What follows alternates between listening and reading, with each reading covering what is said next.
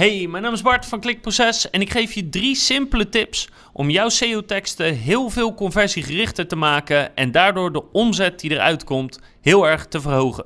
Welkom bij Klikproces met informatie over betere rankings, meer bezoekers en een hogere omzet. Elke werkdag praktisch advies voor meer organische groei via SEO, conversieoptimalisatie, YouTube en voice. De reden dat ik het hier met je over wil hebben is eigenlijk omdat SEO-teksten, eh, nou ja, nogal vervelend kunnen zijn. Zeker als ze wat ouder zijn, dan zijn ze vaak heel erg gefocust op die zoekwoorden, heel repetitief en gewoon niet fijn om te lezen, met als gevolg dat de kans op een conversie gewoon heel snel afneemt. En dat betekent dat ze misschien wel goed kunnen scoren, of misschien ook wel niet, maar als ze uiteindelijk geen omzet opleveren, dan heb je er niks aan. Daarom hier drie dood eenvoudige tips die je meteen kan toepassen en daardoor jouw teksten zowel zoekmachine technisch meestal verbetert als veel meer conversie gericht maakt. En laten we even beginnen met de kopteksten, wat ook vaak de SEO-titel is en de meta-description. En de eerste tip is: druk op die like-knop als je deze video bekijkt. Dat helpt mij namelijk heel erg in het YouTube-algoritme en het is voor jou een kleine moeite. Oké, maar de eerste echte tip die gaat over je SEO-titel en meestal daarmee ook je H1 koptekst. Want wat heel veel gebeurt bij SEO-teksten is dat de SEO-titel en de H1 koptekst dat er eigenlijk veel te weinig aandacht aan wordt besteed dan zou moeten. En dat uitzicht in dat die SEO-titel en die koptekst eigenlijk heel simpel worden: zoekwoord plus bedrijfsnaam. En dat uitzicht meestal als volgt: bijvoorbeeld advocatenkantoor Amsterdam streepje Barts advocatenkantoor. Of hondenvoer kopen, streepje bartshondenvoerwinkel.nl. En dat is in de meeste gevallen echt een hele grote no-no om te doen. Dat is niet handig. En de reden daarvoor is eigenlijk als volgt. Ik snap dat het zoekwoord erin moet. Daar heb ik geen probleem mee. Maar los van de zoekwoorden wil je mensen zoveel mogelijk een reden geven om te klikken op jouw resultaat ten opzichte van andere resultaten. En in dit geval is de manier waarop je iemand probeert te overtuigen door het noemen van je bedrijfsnaam. Maar niemand kent waarschijnlijk jouw bedrijf. Als ze zoeken op een zoekwoord, hoe groot is dan serieus de kans dat ze jouw bedrijfsnaam kennen?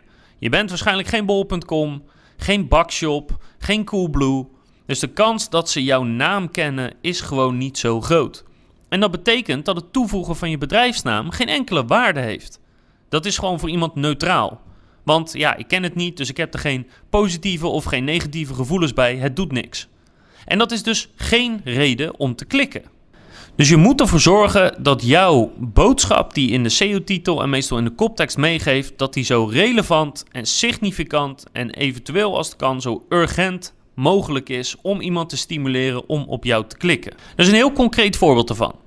Google is op Accountant Amsterdam dan zie je dat bijna iedereen de naam van het kantoor gebruikt in de SEO-titel. Iets wat dus helemaal niks voorstelt in de ogen van iemand die op zoek is naar een accountantskantoor, maar geen idee heeft wie, wat of waar. Dus wat kan je dan in zo'n SEO-titel zeggen om wel iemand te overtuigen? Nou ben ik niet op zoek naar een accountantskantoor, dus ik weet niet exact wat er belangrijk is, maar ik doe even een gooi.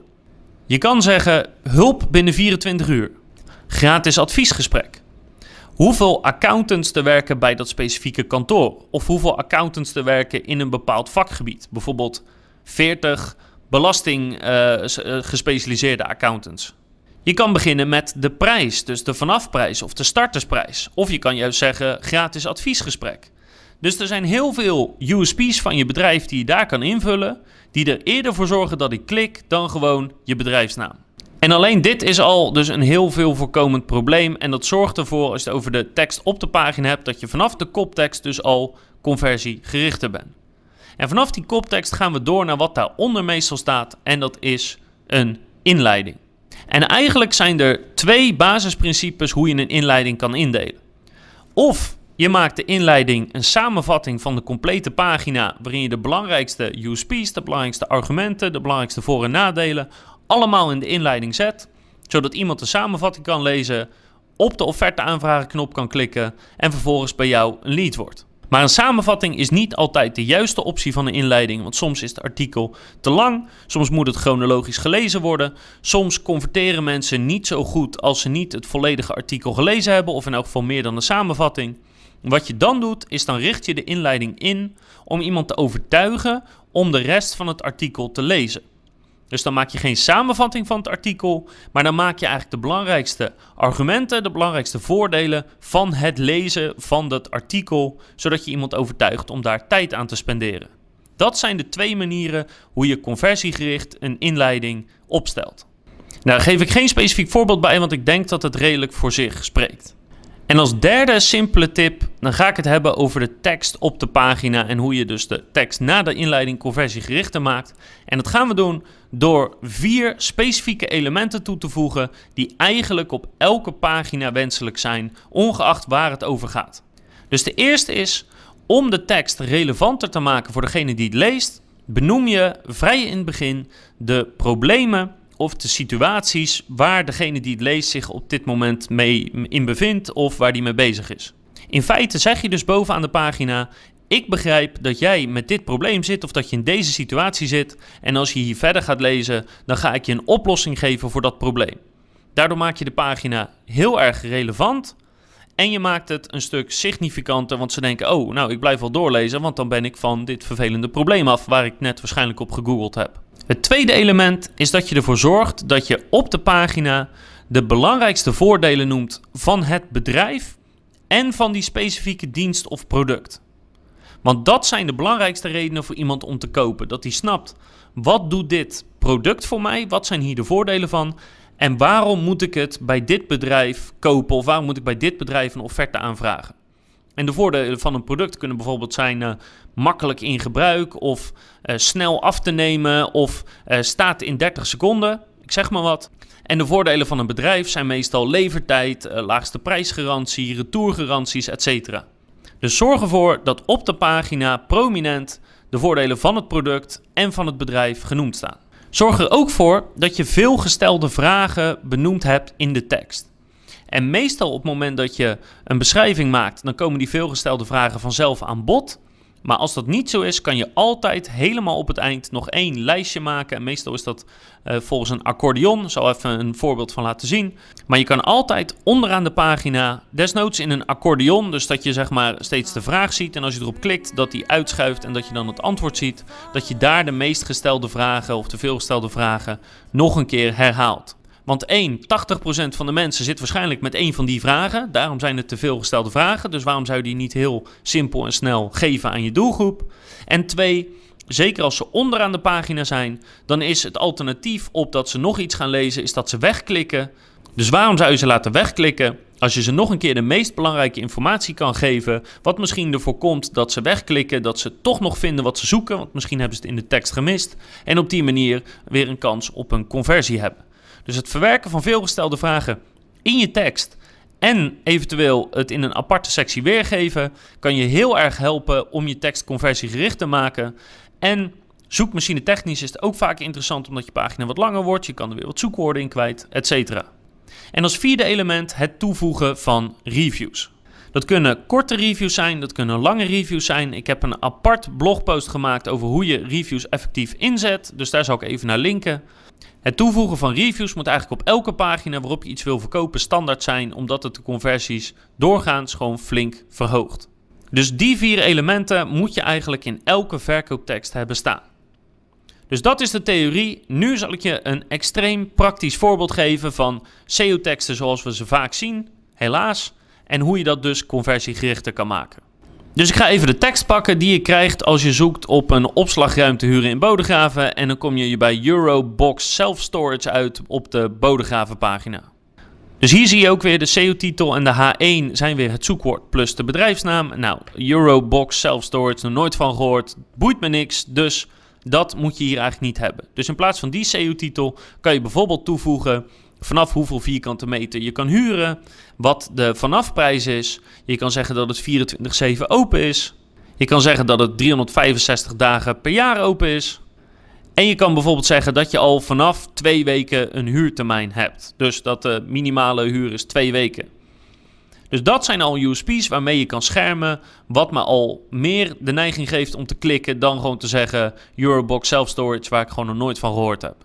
Dan kom je bij de inleiding. En de inleiding hier is één heel groot blok tekst. met soms wat waardevolle info, maar ook een beetje fluff of een beetje SEO-achtige teksten tussen. Dus om dit conversiegerichter te maken zonder verlies van SEO, zou ik het volgende doen. Ik zou een samenvatting maken van de inleiding, want uh, dit product is niet heel ingewikkeld, vergt niet extreem veel tijd en ook geval niet voor de snelle beslissers. Dus het kan hier prima om een kleine samenvatting te maken van één of twee regels.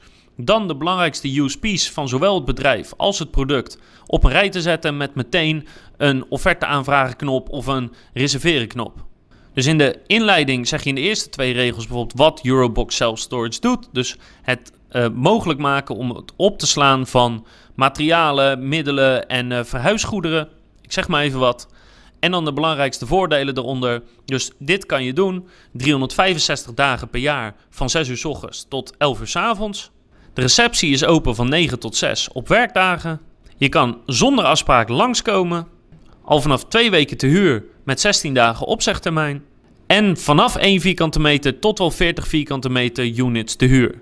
Dus dan heb je wat Eurobox Self Storage doet, plus de belangrijkste voordelen in één kleine inleiding verwerkt, offerte aanvragen knop eronder en gegarandeerd dat heel veel mensen die hiernaar zoeken snel willen beslissen en meteen op die knop drukken, want het product is niet zo ingewikkeld. En voor de mensen die andere dingen willen weten of extra dingen willen weten, dan kan je dat daaronder op de pagina kwijt. Want na die inleiding en die offerte aanvragenknop ga je verder met het benoemen van de belangrijkste problemen of situaties waarom mensen gebruik maken van de Eurobox self-storage of gewoon een opslagruimte in zijn algemeen. Dan zeg je bijvoorbeeld uh, opslagruimte geschikt tijdens uh, verhuizingen, voor extra ruimte of voor tijdelijk producten op te slaan. Of je benoemt bijvoorbeeld de middelen die je kan opslaan van perfect voor verhuisdozen, boeken, uh, afval, motoren en auto's of oude babyspullen. Het is maar net wat jouw doelgroep daar veel in opslaat. Dus dan heb je of zeg maar, de problemen waar mensen mee zitten, dus tijdens het verhuizen, of de dingen die ze willen opslaan, of allebei heb je dan al benoemd, waardoor mensen al snel begrijpen van oké, hier kan ik kwijt wat ik wil opslaan. Daarna benoem je nogmaals de voordelen, maar nu wat uitgebreider. Dus waarom uh, kies je voor een opslagruimte of een opslagbox? En waarom kies je voor de opslagbox bij de Eurobox Self Storage? Dan ga je daarna door naar veelgestelde vragen om die ook wat meer uit te werken. Dus dat kunnen bijvoorbeeld die voordelen zijn die je wat meer uitwerkt. Maar het is ook dat je vragen benoemt als um, hoe zit het met de verzekering? Of hoe zit het met het alarmsysteem of met de sloten op zo'n uh, self-storage? Wat mag je wel opslaan en wat mag je niet opslaan? Mag je bijvoorbeeld verf opslaan of TL-lampen bijvoorbeeld? Wat zijn exact de prijzen van alle verschillende boxen en alle verschillende units? Dus dat je gewoon even een duidelijke tabel maakt met uh, zoveel vierkante meter is deze prijs. En daarna voeg je een aantal reviews toe van mensen die al in Bodegraven iets gehuurd hebben en daar heel blij mee zijn. Of in dit geval van mensen die in iets in Leiden huren, want ze zitten in Leiden als dichtstbij, maar mensen die wel uit Bodegraven komen. Dus op die manier hou je de review heel relevant. Want ik kom uit Bodegraven en die mensen komen ook uit Bodegraven. Dus wij zijn praktisch hetzelfde. En je laat mensen reviews schrijven over bezwaren die mensen hebben. Bijvoorbeeld dat ik denk, ja, maar Leiden is best wel een eindje rijden. Nou, dan heb je een review van iemand die zegt, nou, het is weliswaar 20 minuten rijden, maar dit is goed en dit is fijn en dit is goed. Dus ja, waarom zou je het niet doen? Of een review van iemand die zegt, nou, ik werk in Leiden of ik cross er vaak langs, dus daarom huur ik hier zo en het bevalt me heel erg goed. Dus voeg een aantal reviews toe die één relateren aan mij als iemand uit Bodegraven. En twee, die bezwaren wegnemen die ik misschien heb. Of die misschien uh, ongelukkige ervaringen tegengaan die vaak voorkomen bij opslagboxen. Dus in heel veel branches heb je dat bepaalde problemen veel voorkomen. Dat dat redenen van mensen zijn om over te stappen van de ene opslagbox bedrijf naar het andere. Nou, en als je dus een review hebt die vertelt, nou, bij het vorige opslagboxbedrijf had ik dit probleem en dat heb ik nu niet meer bij de Eurobox Self Storage, dan helpt dat mij om overtuigd te worden dat ik dus bij de Eurobox aan de slag moet.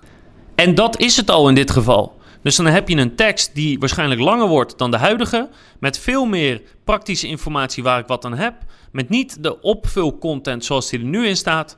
Dus je scoort waarschijnlijk beter in Google en de kans op een conversie is veel groter. En zo kan je zelfs van een simpele tekst die over een relatief saai onderwerp zoals uh, opslagruimtes gaat, nog steeds goed en conversiegericht maken en mij als bezoeker gewoon helpen, terwijl je ook nog eens hoger in Google komt. Dus ik zou zeggen, ga aan de slag. Stop alsjeblieft met het maken van zulke soort SEO-tekst. Het is echt verschrikkelijk om te zien, om naar te kijken. En het helpt mij als bezoeker totaal niet. En zorg ervoor dat je in elk geval deze drie simpele tips implementeert, zodat jouw teksten vandaag al veel conversiegerichter worden. En als laatste wil ik je vragen, als je de video zover hebt uitgekeken, druk even op die like-knop of laat een reactie achter of je dit gaat toepassen, hoe je dit gaat toepassen en of het lukt of niet. Ik zie graag reacties van je, ik zie graag likes van je, dan weet ik dat ik goed bezig ben. En het helpt natuurlijk klikproces om in het YouTube-algoritme gevonden te worden. Dus het is een kleine moeite die mij heel erg helpt. Alvast bedankt.